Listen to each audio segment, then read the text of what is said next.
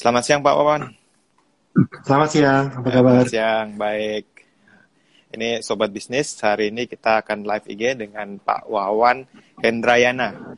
Uh, saya kenalkan dulu, Pak Wawan ini saat ini adalah Head of Investment Research di PT Info Vesta Utama. Uh, apa itu Info Vesta? Mungkin nanti Pak Wawan bisa uh, jelasin sedikit ya, biar hmm, okay. biar uh, rekan-rekan sobat bisnis tahu apa itu Investa dan apa itu hubungannya sama pasar modal, apa hubungannya sama reksadana, investasi dan sebagainya. Pak Wawan ini lahir di Batang 5 Maret uh, eh, 81. Dia banyak kalau dari background karirnya dia memang lama berkecimpung di Investa, tapi juga pernah di BNI Securities, tapi paling lama memang sepertinya di Investa ya Pak. Iya betul. Nah, Pak Wawan adalah uh, pendidikannya dari BINUS, Bin, Universitas Bina, Nusan, Bina, uh, Bina Nusantara ya.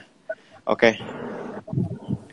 Sebelum kita masuk, mungkin Pak Wawan bisa perkenalkan, ya mungkin kalaupun ada background tambahan, silahkan soal info Vesta itu apa, monggo Pak Wawan. Iya, uh, halo Sobat Bisnis, nama saya Wawan Indrayana. Saya adalah Head of Investment Research dari Infovesta. Infovesta sendiri adalah perusahaan yang bergerak pada bidang riset pasar modal terutama pada reksadana. Saya sudah belajar reksadana dari tahun 2004 sampai sekarang. Jadi saya join ke Infovesta ketika Infovesta ini baru berdiri tahun 2004. Jadi sudah cukup banyak mengalami asam garam reksadana. Uh, waktu sempat profit luar biasa, hmm. uh, rugi luar biasa juga pernah tahun 2008. Tapi ya sampai dengan sekarang, saya rasa reksadana ini salah satu instrumen yang paling menarik dan juga paling mudah untuk investasi di Indonesia. Ya. Uh, saya kasih pengantar sedikit ya untuk rekan-rekan tentang tema kita kali ini. Ya, ini temanya ngobrol investasi bareng pakar soal reksadana. Reksadana aman nggak sih? Uh, soal aman nggak sih? Mungkin nanti kita bisa dijawab di selama satu jam ini. Uh, tapi intinya adalah reksadana itu sekarang masih jadi salah satu pilihan utama masyarakat untuk berinvestasi di pasar modal yang ya menjanjikan keuntungan yang lumayan seperti sudah Pak Wan sampaikan tadi. Dan saat ini kalau data per 30 April dana kelolaan di reksadana itu mencapai 477 triliun. Itu artinya gede banget kan? Uh, artinya masyarakat masih banyak yang percaya dengan reksadana dan reksadana pun masih uh, memberikan banyak keuntungan bagi uh, investor, baik investor korporasi maupun retail seperti ya kita kita mau investasi dengan dana kecil dari 100 ribu atau sampai jutaan pun bisa kayak gitu. Dan ya kenapa kemudian judulnya adalah uh, reksadana aman gak sih? Itu karena mungkin kalau rekan-rekan uh, ikuti berita investasi, ada beberapa kasus reksadana yang misalnya kayak Minapadi dan sebagainya itu yang kasusnya sampai dia dipaksa dibubarkan istilahnya sama OJK. Uh, eh, banyak investor mungkin bertanya-tanya kok sampai begitu kayak gitu. Tapi uh, tapi kasus ini mungkin hanya kecil saja dari sebenarnya hanya uh, ya titik hitam yang sebenarnya kasus reksadana sendiri sangat banyak dan banyak yang masih bagus kayak gitu. Nah nanti Pak Wawan akan ulas itu. Uh, kita mulai aja dengan uh, pertanyaan awal. Uh, mungkin bisa dijelaskan reksadana itu produk investasi seperti apa sih? Gitu. Silakan Pak Wawan. Ya. Ya, terima kasih, uh, sobat bisnis. Uh, reksadana ini sebenarnya adalah produk yang ya boleh dibilang cukup simpel sebenarnya. Pada uh, intinya adalah kita sebagai investor menitipkan dana kita kepada pengelola yang disebut sebagai manajer investasi. Jadi dalam hal ini yang tadi seperti Minapadi, Narada itu adalah manajer investasi.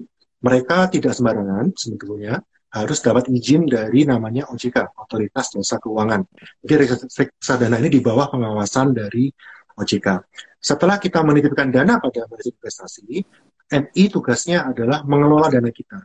Jadi mereka yang menentukan mau investasi ke saham kah, ke obligasi kah, ke deposito kah, tergantung kepada jenisnya. Nah, lalu setelah mereka berinvestasi dikelola, hasilnya untung atau rugi itu dikembalikan kepada investor. Jadi kita sebagai investor sebenarnya tidak berlangsung mengatur seperti apa investasi yang dilakukan oleh MI. Cuma kita yang kita lakukan adalah kita memantau apakah MI-nya ini satu oke okay, nggak returnnya bagus atau tidak dibanding teman-temannya. Lalu pelayanannya seperti apa. Nah, jadi dari dari situlah kita mendapatkan uh, return dari hasil pengelolaan tadi. Kita dapat returnnya, kita bisa cairkan kalau kalau kita mau atau kita bisa biarkan di situ. Dan di sisi lain, reksadana ini MI-nya sebagai pengelola dia memungut fee atau biaya dipotongnya harian. Jadi sebenarnya kita tidak akan terasa juga terhadap fee ini karena laporan yang diberikan kepada kita harian itu sudah include pemotongan fee tadi. Jadi pada intinya itulah reksadana. Hmm. Kalau untungnya apa Pak? Misalnya dibandingkan dengan investasi yang lain kayak ya bandingkan saham atau investasi di obligasi atau bahkan properti atau itu apa untungnya investasi reksadana ini? Ya, banyak sih sebenarnya keuntungannya ya. Beberapa satu tadi Mas sudah sempat sebut adalah biaya investasi awal yang sangat murah ya. Jadi kalau kita mau invest ke saham itu harus buka account di broker biasanya uh, mungkin satu juta. Kalau obligasi juga kalau kita bicara obligasi negara itu satu miliar luar biasa. Reksadana itu kita bisa masuk hanya dengan sepuluh ribu rupiah saja itu sudah bisa mulai invest pada reksadana pasar uang. Satu murah, Kedua, karena dikelola oleh MI secara profesional, jadi sebenarnya kita tidak perlu pusing-pusing atau capek-capek ya, tinggal menerima hasilnya saja. Kita tinggal pantau hasilnya seperti apa. Jadi mudah karena tidak harus kita pantau secara manual. Lalu yang ketiga adalah kita juga transaksinya mudah, apalagi sekarang karena bisa melalui media uh, online digital sudah ada beberapa bank dan juga NI sudah menyediakan platform digital untuk transaksi. Beberapa agen penjual juga mudah. Sama mudahnya seperti kita beli barang di marketplace untuk beli reksadana saat ini. Mhm. Kalau Pak Wawan tadi sebutkan ada reksadana pasar uang, saham sebagainya. Mungkin perlu dijelaskan lagi jenis-jenisnya reksadana itu apa aja sih dan karakteristiknya dia itu seperti apa gitu. Ya, secara umum ada empat sebenarnya reksadana itu. Satu yang isinya lebih banyak saham, ini kita sebut sebagai reksadana saham. Aturannya sih 80% minimal ada saham ya. Uh, karena dia fokusnya pada saham, kinerja dan returnnya juga ikutan saham. Jadi ya sharing aja kalau tahun ini ya jeblok sih untuk saham. Karena ISG itu turun 24% dalam year to date. Jadi terkait pandemi COVID terutama ya. Jadi rata-rata reksadana juga turun sebegitu. Ya memang sih beberapa ada tadi sudah disebut sebut juga yang tetap bisa positif ya Budi. Mm-hmm. Tapi kebanyakan akan searah dengan ISG negatif. Jenis kedua ini adalah yang disebut dengan reksadana pendapatan tetap. Ini dia basisnya lebih banyak isinya adalah obligasi atau surat hutang. Meskipun dibilang pendapatan tetap, uh, mungkin banyak yang oh jadi harganya juga tetap dong. Itu tidak ya. Yang disebut pendapatan tetap karena isinya obligasi. Obligasi itu punya return dalam bentuk kupon obligasi yang biasanya tetap. Jadi kalau reksadana pendapatan tetap dia isinya obligasi sehingga secara return ya setara dengan obligasi. Kalau sekarang mungkin per tahunnya masih bisa positif, mungkin masih bisa 7 sampai 8% itu masih mungkin. Ketiga adalah yang uh, pasar uang. Kalau pasar uang ini reksadana yang paling aman karena dia isinya itu lebih banyak pada deposito biasanya. Atau bisa masuk ke obligasi tapi yang jatuh temponya kurang dari satu tahun. Karena dia isinya deposito, ya jadi returnnya ya setara deposito. Kalau sekarang setahun 4-5 persen, tapi aman. Belum pernah atau jarang sekali pasar uang itu rugi. Gitu. Keempat, biasanya yang disebut dengan reksadana campuran, ini blend gitu. Jadi dia bisa isinya bisa ada sahamnya, bisa ada obligasi, bisa ada uh, depositonya. Tapi secara return jadinya ya tidak bisa setinggi saham tentunya. Tapi mungkin kalau lagi wajar ya di atasnya yang pendapatan tetap. Tapi kalau tahun ini karena dia punya saham ya ikutan keseret saham jatuh juga. Mm -hmm.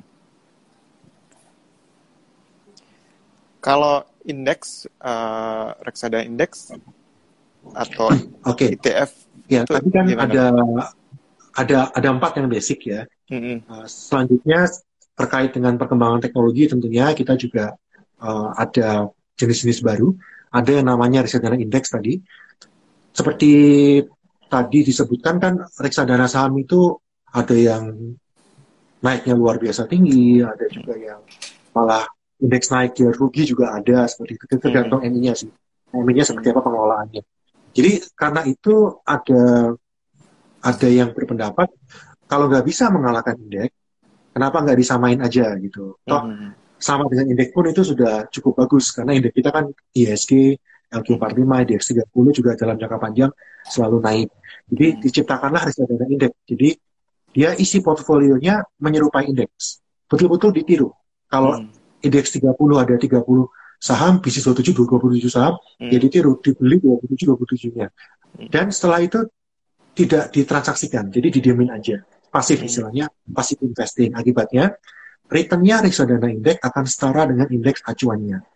Kalau hmm. ETF, ini mirip reksadana indeks, tapi dia diperjualbelikannya lewat bursa. Jadi beda dengan reksadana yang kita beli lewat agen penjual, lewat bank itu bisa. Kalau hmm exchange trade fund ETF, kita harus buka akun transaksi saham. Kayak kita mau transaksi saham di broker. Setelah kita buka akun, baru bisa beli ETF-nya. ETF. Tapi sebenarnya returnnya akan mirip dengan reksadana indeks. Cuma hmm. plusnya adalah kalau ETF itu harganya real time. Hmm. Oke, okay. dari sekian jenis reksadana itu, mana yang kira kalau pertanyaan awam biasanya mana sih yang paling menguntungkan kayak gitu? atau yeah. biar biar mereka bisa yeah. milih uh, ke masuk ke mana gitu. Ya, cukup menarik. Waktu saya awal-awal masuk ke industri reksadana tahun 2004, waktu itu investor reksadana cuma ada 170 ribu orang. Hmm. 10 tahun kemudian, tahun 2014, masih segitu juga, masih uh, eh, 200 ribuan saja. Cuma dua tahun terakhir itu luar biasa sekali. Untuk growth sekarang sudah ada 2 juta lebih untuk investor reksadana. Nah, hmm. drivernya apa yang bisa membuat lompat tinggi? Itu adalah ketika reksadana dijual lewat marketplace. Jadi ketika akses reksadana menjadi mudah, sekarang beli reksadana semudah kita tinggal uh, angkat handphone, kayak beli barang di Topet atau Bella gitu ya, itu sama, semudah itu. Nah, yang dijual di sana kebanyakan reksadana pasar uang untuk saat ini. Kenapa? Karena pasar uang ini yang paling aman. Tadi jarang sekali rugi, dan liquid kita bisa cairkan anytime kalau di lewat topet kita bisa anytime suatu waktu jadi bisa bisa menggantikan tabungan sebenarnya karena hmm. kita bisa invest ke reksadana pasar uang dapat returnnya lumayan 4%, 4% itu mungkin 4 atau 5 kali returnnya tabungan ya. Hmm. Sudah setara deposito soalnya. Uh, tapi kalau kita butuh uang sewaktu-waktu, itu bisa dicairkan semudah kita jual barang di uh, marketplace juga. Jadi hampir instan. Jadi menurut saya untuk pemula yang baru mau coba atau atau kayak ada uang nganggur nih, terutama para milenial dan Gen Z ya, hmm. oh, duitnya belum tahu buat apa kan, bisa taruh di pasar uang dulu. Toh cuma sepuluh ribu rupiah. Paling untuk investasi minimalnya cuma sepuluh ribu rupiah. Jadi pasar uang saya paling sarankan untuk saat ini. Hmm. Nah, uh, kita ke pertanyaan utamanya aman nggak sih Pak reksadana ini?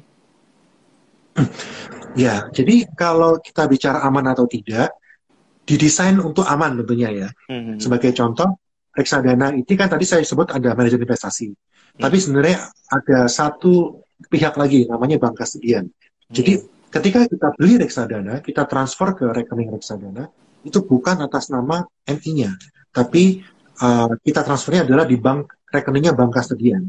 Jadi yang menyimpan duitnya reksadana itu adalah bank kasedia. Harapannya apa? Supaya sulit untuk MI membawa kabur uangnya nasabah. Jadi nomor satu ada itu. Lalu juga didesain untuk tidak terlalu fokus pada instrumen tertentu. Jadi ada aturan di reksadana ketika dia investasi reksadana saham misalnya, maka minimal dia akan punya 10 saham. Gak mungkin isinya cuma satu. Karena ada aturan di satu pihak itu maksimal cuma 10%. Jadi minimal dia pasti punya 10 ini adalah diversifikasi otomatis. Jadi dari sisi pengelolaan dan juga return uh, se sejauhnya sih aman ya. Tapi memang kalau kita perhatikan ada beberapa kasus ini lebih kepada MI-nya sebenarnya yang mencari celah begitu di aturan yang ada hmm. sehingga bisa atau lebih tepatnya tata kelolanya tidak sesuai aturan yang seharusnya untuk keuntungan pribadinya tentunya ya. Hmm. Jadi ini yang yang membuat uh, beberapa bulan terakhir ada beberapa kasus reksadana yang mencuat yang bisa dibubarkan. Tapi secara industri kita terus tumbuh. Hmm. Uh, 477 triliun ini memang sudah agak turun di akhir tahun lalu sempat 540 tuh puncaknya sebelum pandemi COVID tapi sempat turun. Tapi tadi secara jumlah investor terus meningkat dan secara produk juga terus naik. Jadi saya yakin sebenarnya sepanjang dilakukan dengan tata kelola yang baik ya, reksadana ini salah satu instrumen yang paling diatur di Indonesia dan paling aman. Hmm. Nah terkait tadi dibilang ada MI yang mungkin agak sedikit bermasalah, mungkin menyambung ke pertanyaan sobat bisnis, uh, gimana sih cara memilih MI yang istilahnya uh, track recordnya bagus, kredibel dan bisa dipercaya kayak gitu, Pak? Ya, memang sekarang ada sekitar 80 MI di Indonesia. Uh, ya bisa tambah bisa kurang ya ter, uh, tergantung dengan perkembangannya. Nah, bagaimana cara kita milih dari 80 yang ada? Kalau pengalaman saya pribadi ada tiga hal sih sebenarnya. Satu tentu saja kita ingin tahu kepercayaan investor terhadap MI tersebut. Caranya bisa melihat dari dana kelolaan yang dikelola oleh MI-nya. Hmm. Jadi premisnya sih semakin besar dana kelolaan MI tersebut, seharusnya dia akan uh, akan semakin dikelola dengan baik, kelolanya akan semakin ketat gitu ya. Jadi semakin baik. Lalu kedua, yang paling utama tentunya adalah kinerja. Jadi 80 MI ini ada yang bagus sekali kinerjanya, hmm. ada yang buruk sekali, ada yang rata-rata, ada yang so-so. Jadi caranya gimana kita melihat? Ya satu dari kinerja historis, kita akan lihat return historis, return memang tidak mencerminkan apa yang terjadi di masa depan, tapi kita bisa melihat bagaimana MI tersebut mengelola di sebelum-sebelumnya. Jadi kita bisa bandingkan setahun terakhir, tiga tahun terakhir, atau bahkan sebulan terakhir juga boleh kita lihat MI mana sih yang kinerjanya paling baik. Ini ke kedua, jadi nanti kita bisa compare juga dengan uh, produk-produk uh, yang lainnya. Lalu ketiga adalah yang tidak kalah penting juga kemudahan dan kenyamanan bertransaksi. Jadi uh, pengalaman saya, oke okay, itu ada ada MT yang kinerjanya bagus sekali gitu misalnya. Tapi setiap hmm. mau beli atau jual agak ribet gitu, mesti masih zaman, zaman now tapi masih harus manual, harus kirim apa kirim apa. Yeah. Ya mungkin saya akan lebih nyaman kepada yang transaksinya lebih gampang dan lebih cepat. Dan biasanya beberapa MI juga itu bekerjasama dengan bank sebagai agen penjual dan bank biasanya tidak akan sembarangan pilih-pilih partner juga ya. Jadi kalau dia dijual lewat bank, menurut saya itu um, ada tambahan poin kredibel di situ Ya. Uh, lanjut ke kalau kondisi sekarang di reksadana bagaimana Pak? Misalnya dari segi uh, apa ya imbal hasilnya dan sebagainya, kondisi pasar sekarang seperti pasar reksadana itu seperti apa gitu? Ya, kalau kita bicara spesifik tahun 2020, itu kalau sekarang reksadana saham year to date, artinya dari Januari sampai sekarang awal Juni, itu masih negatif, hampir hmm. semuanya negatif secara rata-rata. Uh, pasar uang itu satu-satunya yang paling tinggi mungkin secara kinerja, mungkin sudah sudah dua atau tiga persen uh, year to date. Kalau yang pendapatan tetap masih positif, tapi ya agak rendah karena kemarin sempat obligasinya ke terkoreksi. Jadi kalau mau invest di saat ini, di saat sekarang, saya sarankan sih untuk investor diversifikasi dalam artian jangan fokus pada satu jenis saja. Saran saya memakai uh, alokasi aset itu 532 kalau sekarang. Jadi 50% pada yang basisnya obligasi. Bisa reksadana pendapatan tetap atau reksadana proteksi. Kenapa? Karena di tahun ini itu suku bunga akan turun terus. Kita sudah lihat ya, bunga hmm. deposito turun terus, yeah. inflasi juga rendah. Jadi saya sangat yakin sekarang di semi report 4,5 persen harusnya turun, harusnya di bawah 4 persen. Apalagi kalau nanti pemerintah betul-betul akan menjalankan new normal, berarti kan banyak usaha akan dibuka nih. Hmm. Ketika usaha dibuka, mereka pasti butuh pendanaan. Salah satunya yang paling gampang izin ke bank dan juga terbitkan obligasi atau apa ya. Hmm. Pemerintah bisa bantu itu dengan menurunkan suku bunga supaya beban biaya pinjamnya tidak terlalu besar. Jadi saya yakin suku bunga akan turun. Kalau suku bunga turun, itu yang paling diuntungkan adalah obligasi. Obligasi hmm. harganya akan naik. Jadi makanya 50% pada yang berbasis pendapatan tetap. Hmm. 30 persennya tiganya itu pada pasar uang. Karena satu dia yang paling aman, hampir nggak pernah rugi. Liquid juga kita tarik bisa same day bahkan di beberapa tempat. Jadi satu juga sebagai dana, dana darurat kalau memang uh, sobat bisnis membutuhkan itu kalau dana yang pada suatu waktu dan aman gitu ya di pasar uang. Kedua juga kalau nanti ada peluang pada jenis lain apakah itu pada saham atau pada pendapatan tetap, bisa dilakukan switching atau pemindahan dengan cepat itu di pasar uang. Ketiga, untuk sahamnya itu 20% saja. Memang sih sekarang itu dengan kondisi pasar turun tajam, turun 25% dari awal tahun, itu banyak sekali saham-saham murah-murah sekali. Termasuk reksadana saham juga jadinya kalau masuknya sekarang, sebenarnya potensial gainnya akan besar sekali kalau nanti market kembali normal. Cuma kan tetap kita like sedang ada dalam kondisi ketidakpastian. Jadi hmm. new normal oke, okay, kita sangat menanti itu bisnis bisa dibuka lagi. Tetapi apakah itu akan berhasil dengan sukses gitu ya kita belum tahu. Hmm.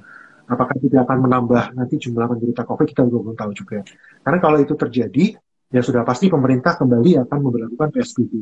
Kalau itu hmm. terjadi, saya yakin bursa saham akan terkoreksi lebih dalam dari sebelumnya. Karena hmm. berarti membuka roda bisnis di saat COVID itu ternyata tidak semudah itu seperti itu ya. Jadi oke okay, seminggu ini sih luar biasa di saham mm -hmm. lagi tempat ini uh, menyenangkan kalau punya. Yeah. kalau belum punya gimana?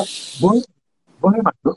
Tapi tadi alokasi asetnya 20% aja. Jadi 20% total ya dan horizon investasinya uh, jangka panjang gitu ya. Panjang di sini hmm. kita bicara dari itu yang paling penting kalau untuk pasar uang. Eh sorry, reksadana saham. Kalau jangkanya pendek, wah ini duit kayaknya misalnya nih oh, buat masuk sekolah karena belum kayaknya belum belum masuk bulan Juli nanti masuk ke akhir tahun di sekolah anak saya mau invest dulu ya itu pasar uang aja udah jangan ke mana-mana. Hmm. Atau kalau menengah tiga tahun misalnya ini uh, sekolah tapi masih tiga tahun lagi, nah itu bisa di pendapatan tetap. Tapi kalau saham harus lima tahun long termnya. Nah, tadi nyambung ke pertanyaan sobat bisnis soal uh, kapan sih harusnya beli atau masuk dan kapan sih harusnya uh, jual kayak gitu. Jualnya ketika saat misalnya target keuntungannya gimana atau misalnya malah kap, kapan harusnya cut loss kayak gitu. Itu gimana Pak Wawan? Ya, tentu saja kita harus kembali ke tujuan investasi awalnya ya. Jadi kalau kita mau masuk itu jangka pendek itu di bawah setahun itu sebetulnya jangka hmm. pendek. Hmm. Kalau jangka menengah itu sampai dengan tiga tahun, panjang di atas eh, lima uh, tahun. Jadi kapan jualnya? Yaitu kembali lagi ke tujuannya untuk apa? Kalau misalnya tujuannya, oh ini untuk jangka panjang, saya mau beli rumah tapi masih 10 tahun lagi ya sebenarnya nggak ada alasan untuk jual meskipun mungkin hmm. wah kayak kemarin tuh tiba-tiba sehari naik 5%, sehari naik 10% kan sebenarnya luar biasa sekali.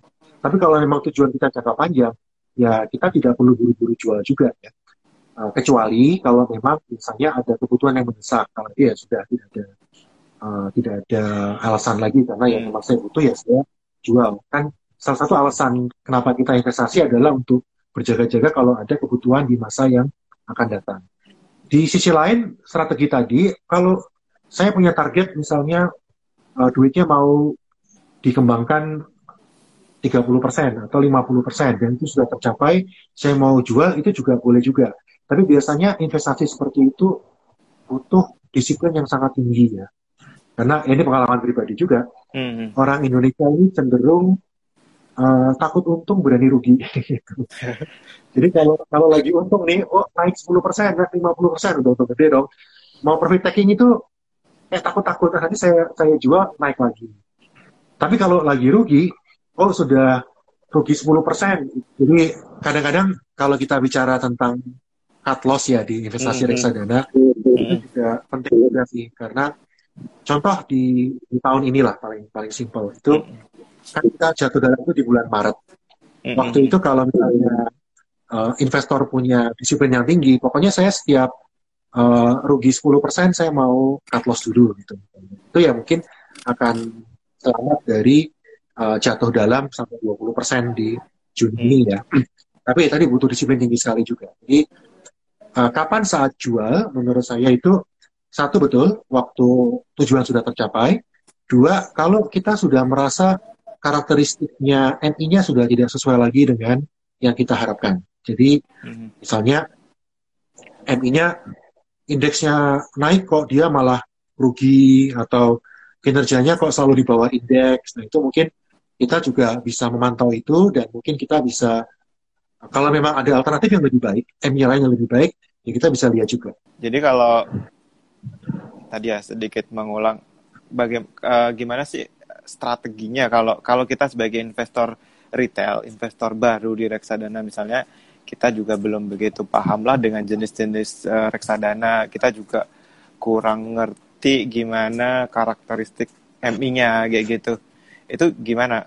Uh, misalnya kita pengen untung tapi dengan uh, dengan cara yang mudah istilahnya karena mudah dalam konteks ini adalah mudah karena kita nggak tahu ya nggak tahu karakteristik reksadananya kita nggak tahu karakteristik apa MI-nya bagaimana fund manajernya itu bagus enggaknya itu gimana uh, sarannya dari Pak Wawan gimana? Ya nomor satu kita mulai aja dulu dengan pasar uang. Saya selalu hmm. seperti itu. Jadi masuklah ke reksadana pasar uang. Ya setahun 4%, 5%, tapi hmm. itu tetap lumayan banget dibanding kalau kita cuma taruh di tabungan malah kepotong biaya admin gitu ya.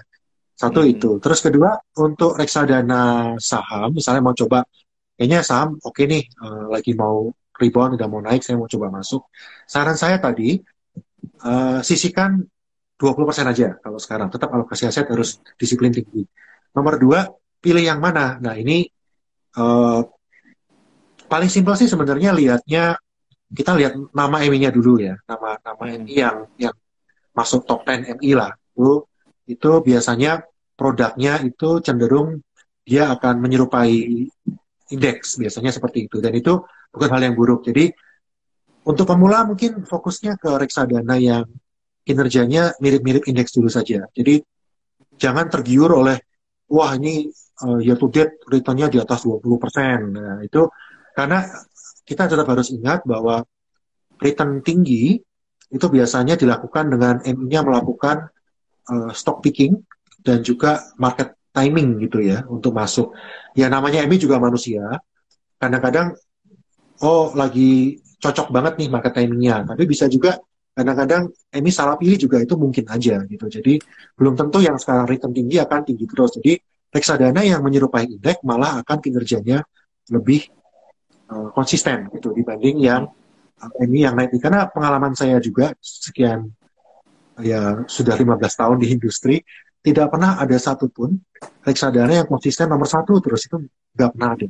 Selalu ganti-gantian tiap tahun tuh ganti-gantian. Ganti ya kadang dari Skruder lah kadang dari Sukor kadang Sinarmas jadi hmm. selalu ganti-gantian tergantung eminya memang lagi on atau tidak. Tapi yang penting adalah konsistensi yang dilihat jadinya. Jadi lihat aja secara jangka lebih panjang konsisten nggak? Konsisten itu dalam artian apakah dia selalu setara dengan indeks misalnya atau setara selalu bisa memberikan uh, imbal hasil yang positif. Ini ini juga yang harus dilihat oleh investor. Nah, uh, ini ada pertanyaan dari sobat bisnis nih soal reksadana indeks. Kenapa misalnya di Indonesia mungkin dianggap masih sepi? Sementara misalnya kalau bicara di Amerika atau apa reksadana indeks tuh salah satu yang istilahnya paling gede gitu, paling rame gitu. Ya. Itu gimana Pak Man? Oke. Okay. Jadi di Amerika tuh ada 6 ribuan saham, 6 ribuan emiten ya. Di Indonesia mungkin baru ada 600, jadi kita baru sepersepuluhnya. Hmm. Jadi di Amerika akan jadi sulit sekali untuk pilih-pilih yang saham yang bagusnya seperti apa. Jadi di sana akan jauh lebih simpel untuk beli reksadana indeks. Dan di Amerika juga reksadana konvensional itu sulit mengalahkan indeks. Yang terjadi seperti itu. Kalau di Indonesia, kebetulan lima tahun terakhir sih sudah mirip di Amerika, jadi sudah sulit untuk mengalahkan indeks. Tapi kalau dari sebelum-sebelumnya itu selalu ada reksadana yang mengalahkan indeks secara signifikan gitu. Jadi ya tadi kan sempat disebut juga ya ada yang year to date masih 16 persen indeksnya negatif. Itu tipe-tipe begitu selalu ada. Jadi mungkin investor Indonesia jadinya tertarik ya ngapain sama dengan indeks kalau ada beberapa produk yang ternyata di atasnya indeks gitu. Tapi hmm Sebenarnya kalau kita bicara lima tahun terakhir, itu ETF di kita sekarang growth-nya luar biasa ya. Dulu waktu hmm. lima tahun yang lalu itu mungkin dana kelolanya baru uh, di bawah 5 triliun.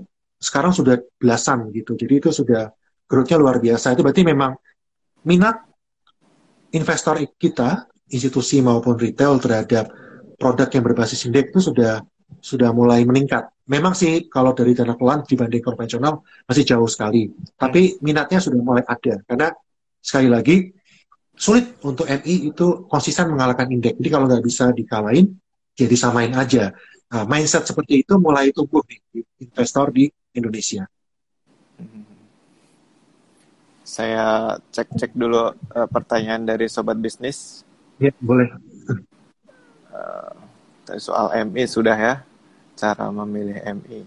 Kalau di beberapa kasus kayak yang mungkin Naradat apa ya, itu kan beberapa investor istilahnya ter apa ya, dia invest karena terpicu oleh kayak track record iming-iming imbal hasil yang tinggi yeah. kayak gitu kan.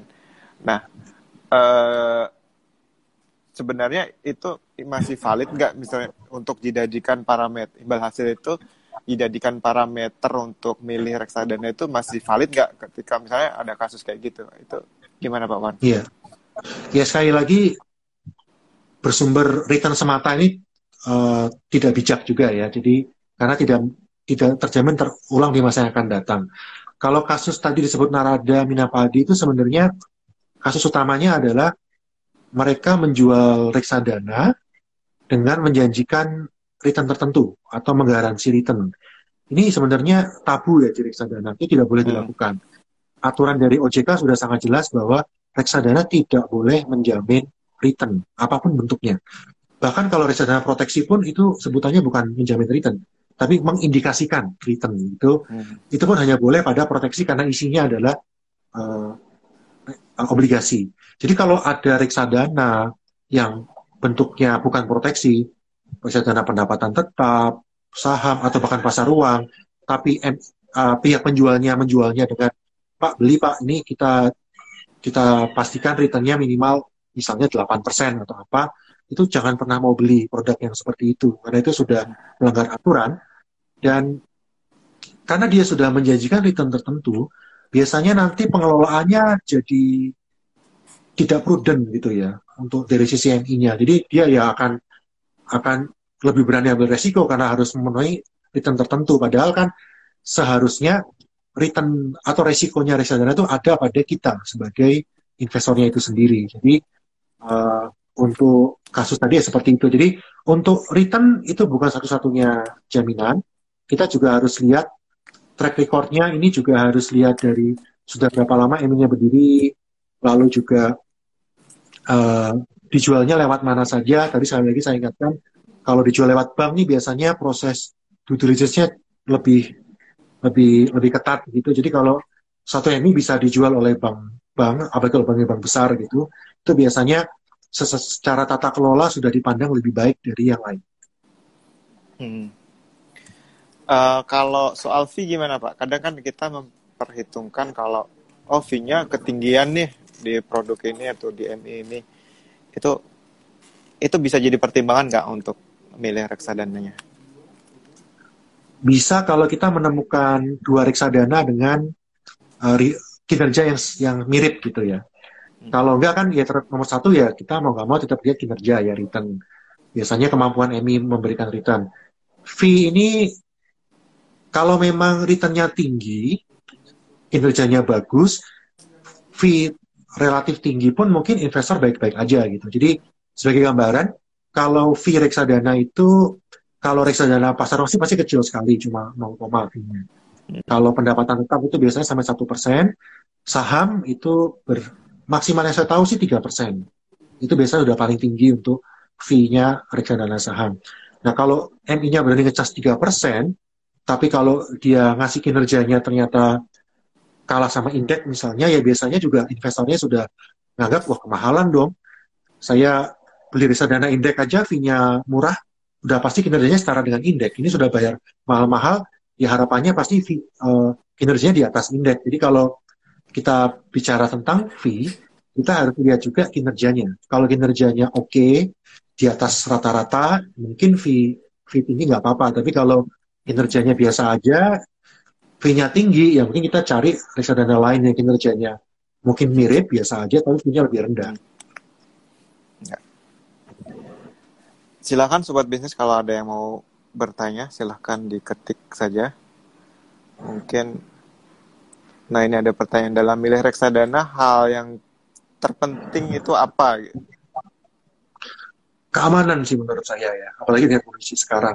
Jadi um, keamanan lihatnya gimana ya tadi harus harus lihat uh, sisi dari dari sisi MI-nya seperti apa. Lalu kedua adalah kelas asetnya. Kalau kondisi pandemi seperti sekarang, COVID masih penuh ketidakpastian, ya tidak bijak kalau fokusnya pada yang berbasis saham. Hmm. Harus melihat kelas aset yang lebih cocok, uh, pendapatan tetap atau pasar uang. Jadi saya lagi saya tekankan kalau uh, terutama di kondisi COVID ini ya keamanan. Return mungkin jadi yang nomor dua kalau kalau sekarang ya kalau menurut saya. Jadi kalau kalau nanti kondisi sudah berbalik, kita sudah dibuka lagi, uh, eh, ISG-nya kayak tahun-tahun lalu yang misalnya, oh ISG naik 20 persen, nah oke okay lah kalau seperti itu kita melihatnya return karena berarti resiko para emitennya itu tergolong rendah ketika ekonomi lagi bagus ya. Hmm. Tapi kalau ekonomi lagi seperti sekarang lagi lambat, lagi melambat, ya sebenarnya tekanan kinerja pada emiten saham ataupun obligasi bisa aja nanti ada emiten yang uh, resiko bayarnya meningkat. Jadi kita harus pilihnya yang lebih aman dulu. Contohnya apa? Kalau pendapatan tetap yang lebih aman kalau isinya surat utang negara. Hmm. Return mungkin tidak terlalu tinggi, tapi dia surat utang negara. Jadi dipandang lebih aman karena negara menjamin hutang pasti akan dibayar ya. itu oke okay. kalau isinya corporate ya takutnya kalau PSBB berlanjut COVID berlanjut bisa aja nanti ada yang kesulitan secara cash flow-nya nah uh, mungkin ini pertanyaan yang enggak umum dan sering kali ditanyakan sebenarnya pilih kalau investor pilih saham investasi saham atau ke reksadana sih kayak gitu mungkin bisa dijawab Ini ya tergantung kepada investornya ya. Hmm. Uh, kalau investornya memang punya waktu, suka untuk meneliti laporan keuangan, uh, update dengan berita begitu, uh, itu investasi saham mungkin menarik seperti itu. Tapi kalau investornya cenderung tidak punya waktu, contoh seperti saya, saya lebih besar pada uh, reksadana investasinya hmm. karena saya bekerja meskipun saya paham tentang saham juga sebenarnya, tetapi saya tidak ada waktu. Takutnya ketika ada berita tertentu atau laporan keuangan apa keluar, saya masih bekerja ke klien atau apa kan tidak sempat nih untuk untuk membaca, untuk membuat keputusan nggak sempat. Hmm. Untuk itulah saya bayar MI lewat reksadana ya. Hmm. Saya percaya bahwa MI-nya ini akan bereaksi terhadap berita yang ada, terhadap potensi yang ada. Jadi kalau yang tidak ada waktu, reksadana ini sangat membantu karena kita tidak perlu apa-apa, kita tinggal store duit aja. Orang Jawa bilang pasrah pokokkan gitu terhadap mm-hmm. terhadap MI-nya. Tinggal kalau MI-nya oke okay, saya lanjut, M, saya memandang MI-nya nggak oke okay, saya cairkan gitu. Tapi ya tidak memungkiri bahwa saham ini juga investasi sangat menarik ya. Uh, mm. Kalau kita bicara potensi returnnya ya tetap aja saham bisa lebih tinggi dibanding reksadana saham karena reksadana saham itu kan diversifikasi dia sudah pasti dipecah jadi uh, minimal 10 saham gitu jadi hmm. 10 saham itu ya bisa aja ada yang bagus ada yang kurang bagus lalu akan ada seperti itu sementara kalau kita bicara return saham ya ini nggak apa-apa sebut merek lah misalnya hmm. saham BCA itu itu 20 tahun terakhir gak ada yang kalahkan returnnya saham BCA yeah. kalau kita tahun 2000-an beli BCA satu juta, mm-hmm. sekarang mungkin uang kita udah hampir 500 juta seperti itu ya. Jadi itu luar biasa sekali untuk untuk ininya, untuk untuk growth-nya dalam 20 tahun. Jadi uh, yang itu tidak bisa dikalahin oleh reksadana. Kalau yang -hmm. potensi return ribuan persennya itu nggak bisa disalahin. Tapi kasus BCA 20 hmm. tahun saham bangkrut juga ada juga begitu. Jadi yeah, yeah, yeah. tetap dia juga sahamnya seperti apa. Basically sih uh, dua-duanya sih kalau kalau kalau memang investornya punya dana ya dan hmm. dan punya kemampuan juga dua-duanya oke okay menurut saya. Contoh saya saya invest saham tapi lebih pasif jadi uh, tidak ditradingkan. Ya ah. istilahnya buy and hold lah istilahnya begitu. Hmm. reksadana juga sama saya juga buy and hold juga. Lanjut ke pertanyaan selanjutnya. Ada reksa, gimana ya Pak? Reksadana syariah. Bagaimana dengan pertumbuhan reksadana syariah? Ya Reksadana syariah ini reksadana yang mengikuti hukum Islam ya. Hmm. Jadi yang yang unik apa? Contohnya kalau di Islam itu bunga itu kan haram, riba. Yeah. Hmm. Jadi reksadana syariah biasanya akan menghindari bunga. Dia eh, bukan bukan menghindari, sorry, dilarang terkait dengan bunga ya. Jadi uh, contoh dia tidak boleh beli obligasi yang uh, umum, harusnya belinya suku suku itu obligasi syariah. Ketika investasi saham juga sama. Dia tidak boleh masuk ke saham perbankan konvensional nggak boleh. Jadi tadi mau beli saham BCA nggak boleh kalau saya syariah. Bolehnya beli saham bank yang syariah, BTP syariah itu boleh. Terus syaratnya juga syariah itu uh, selain bidang usahanya syariah, jadi kan otomatis bir nggak boleh ya, rokok masih makruh sih. Uh, tapi ada ada juga hutang sama modal. Jadi kalaupun perusahaannya batu bara misalnya perusahaannya perusahaan batu bara kalau hutang dia lebih besar daripada modalnya di perusahaannya itu juga jadi tidak syariah nggak boleh masuk. Hmm. jadi sebenarnya reksadana syariah ini secara investasi lebih prudent hmm. dibanding yang konvensional. Di satu sisi itu. Tapi kenapa kok perkembangannya di Indonesia ini tidak tidak begitu cepat seperti yang konvensional ya? Nomor satu karena dia harus syariah jadi investasinya terbatas. Hmm. Yang dia bisa investasi terbatas. Potensi returnnya juga jadinya sangat tergantung kalau sektor yang dia bisa masuk lagi bagus. Kalau lima tahun terakhir syariah kalah jauh sama yang konvensional. Kalau kita bicara saham. Kalau dulu ya waktu zaman batu bara lagi booming-boomingnya, itu syariah unggul jauh tuh dibanding yang konvensional. Tapi lima tahun terakhir kan kita ISG itu bergeraknya karena saham perbankan sebenarnya. Mm-hmm. Jadi karena syariah nggak boleh masuk bank yang gede-gede, ya jadi dia agak lagging sih seperti itu. Jadi kalau untuk satu itu, terus dua juga pemasarannya ya. Jadi kan memang syariah ditujukan kepada yang muslim tentunya.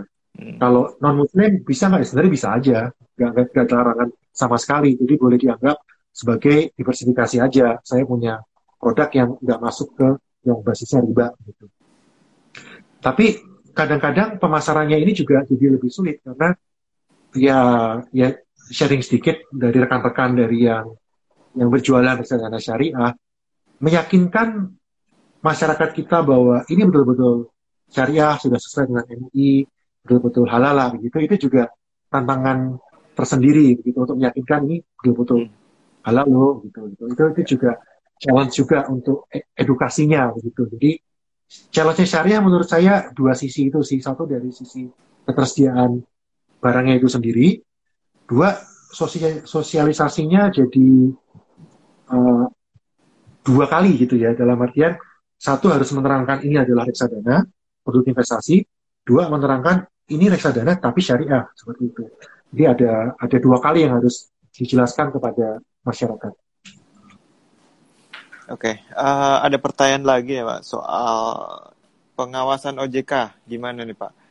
Soal keputus, misalnya salah satunya contohnya soal pembubaran produk atau misalnya pengawasan yeah. OJK, gimana Pak? Ya, sebenarnya sih kita sangat berharap pada OJK ya, dan OJK juga selama ini sudah mendengarkan dari stakeholder juga, dari nya sendiri juga dari investor, mereka sudah mengeluarkan banyak aturan, tapi ya memang kembali lagi uh, kita tidak bisa 100% mengharapkan OJK yang akan jadi mengawasi semuanya ya. Karena ya tetap saja dengan peraturan yang ada pun itu selalu ada celah-celah yang mungkin bisa dimanfaatkan oleh NI kalau memang dia uh, berniat untuk ada deviasi dari tata kelola yang sudah ada. Jadi OJK sendiri ketika membubarkan reksadana, ya sebenarnya saya cukup appreciate ketika OJK bertindak tegas, karena ini berarti memberikan sinyal yang baik kepada NI bahwa saya tegas loh, kamu kalau sampai melanggar saya bisa membubarkan. Itu bagi menurut saya sebagai efek kecil juga kepada NI. Tapi di sisi lain, uh, pembubaran yang langsung diperintahkan bisa juga itu ada potensi merugikan untuk investornya itu sendiri ya. Hmm. Ini jadinya dua sisi sih. Tapi ya karena memang ini mas, ya mumpung masih di awal, mumpung yang kemarin yang bermasalah itu baru sebagian kecil dari dari reksadana dari industri, ya saya setuju bahwa ketegasan ini diberlakukan. Dan, uh, jadi memberikan keyakinan kepada investor juga. NI kalau kalau nggak benar pasti OJK tindakannya tegas. Bagi OJK juga ya tetap harus mendengarkan juga sih dari dari sisi investor dan NI seperti apa aturan yang harus ditegakkan. Di satu sisi seperti itu saya melihatnya, tapi ketika terjadi pandemi COVID-19, ini berarti kan ada force major istilahnya, ada sesuatu yang di luar uh, kebiasaan. Jadi mau tidak mau ya OJK harus memberikan relaksasi. Karena bagaimanapun juga banyak industri ter, terdampak oleh COVID ya, termasuk manajer investasi. Dana kelolanya menyusut, transaksinya berkurang itu itu itu sudah sudah pasti akan akan terlihat sementara operasional kan tetap harus di, dibayar oleh MI-nya. Jadi hmm. ya harus ada relaksasi sih terhadap baik itu terhadap uh, tata cara pengelolaannya dan juga terhadap uh, bagaimana transaksi dapat dilakukan. Kemarin sudah diterbitkan sebenarnya bahwa sudah boleh full online, tidak usah tatap muka. Hmm. Itu, itu, itu sangat akan menghemat dari sisi operasional sih, karena berarti kan boleh seperti ini kan, boleh video conference atau bisa full full digital. Hmm, yeah. Saya rasa ke depannya OJK harus mendukung agar industri kita menuju ke sana. Yeah. Oke, sobat bisnis, waktunya udah hampir habis. Tapi mungkin dari Pak Wawan bisa kasih ya sedikit tips untuk bagaimana sih uh, kalau kita mau inv uh, invest di reksadana.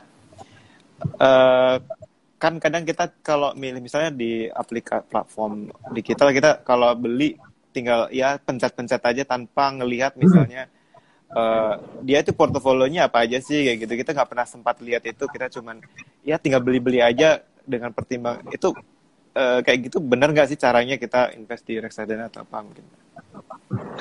Ya tentu saja kita tetap harus aware ya uh, kita ini investnya ke mana. Uang kita kita kita store ke MI oleh MI di, di investnya ke mana. Kalau isinya ada yang aneh-aneh, sebenarnya kita sebagai investor berhak loh untuk kontak MI-nya.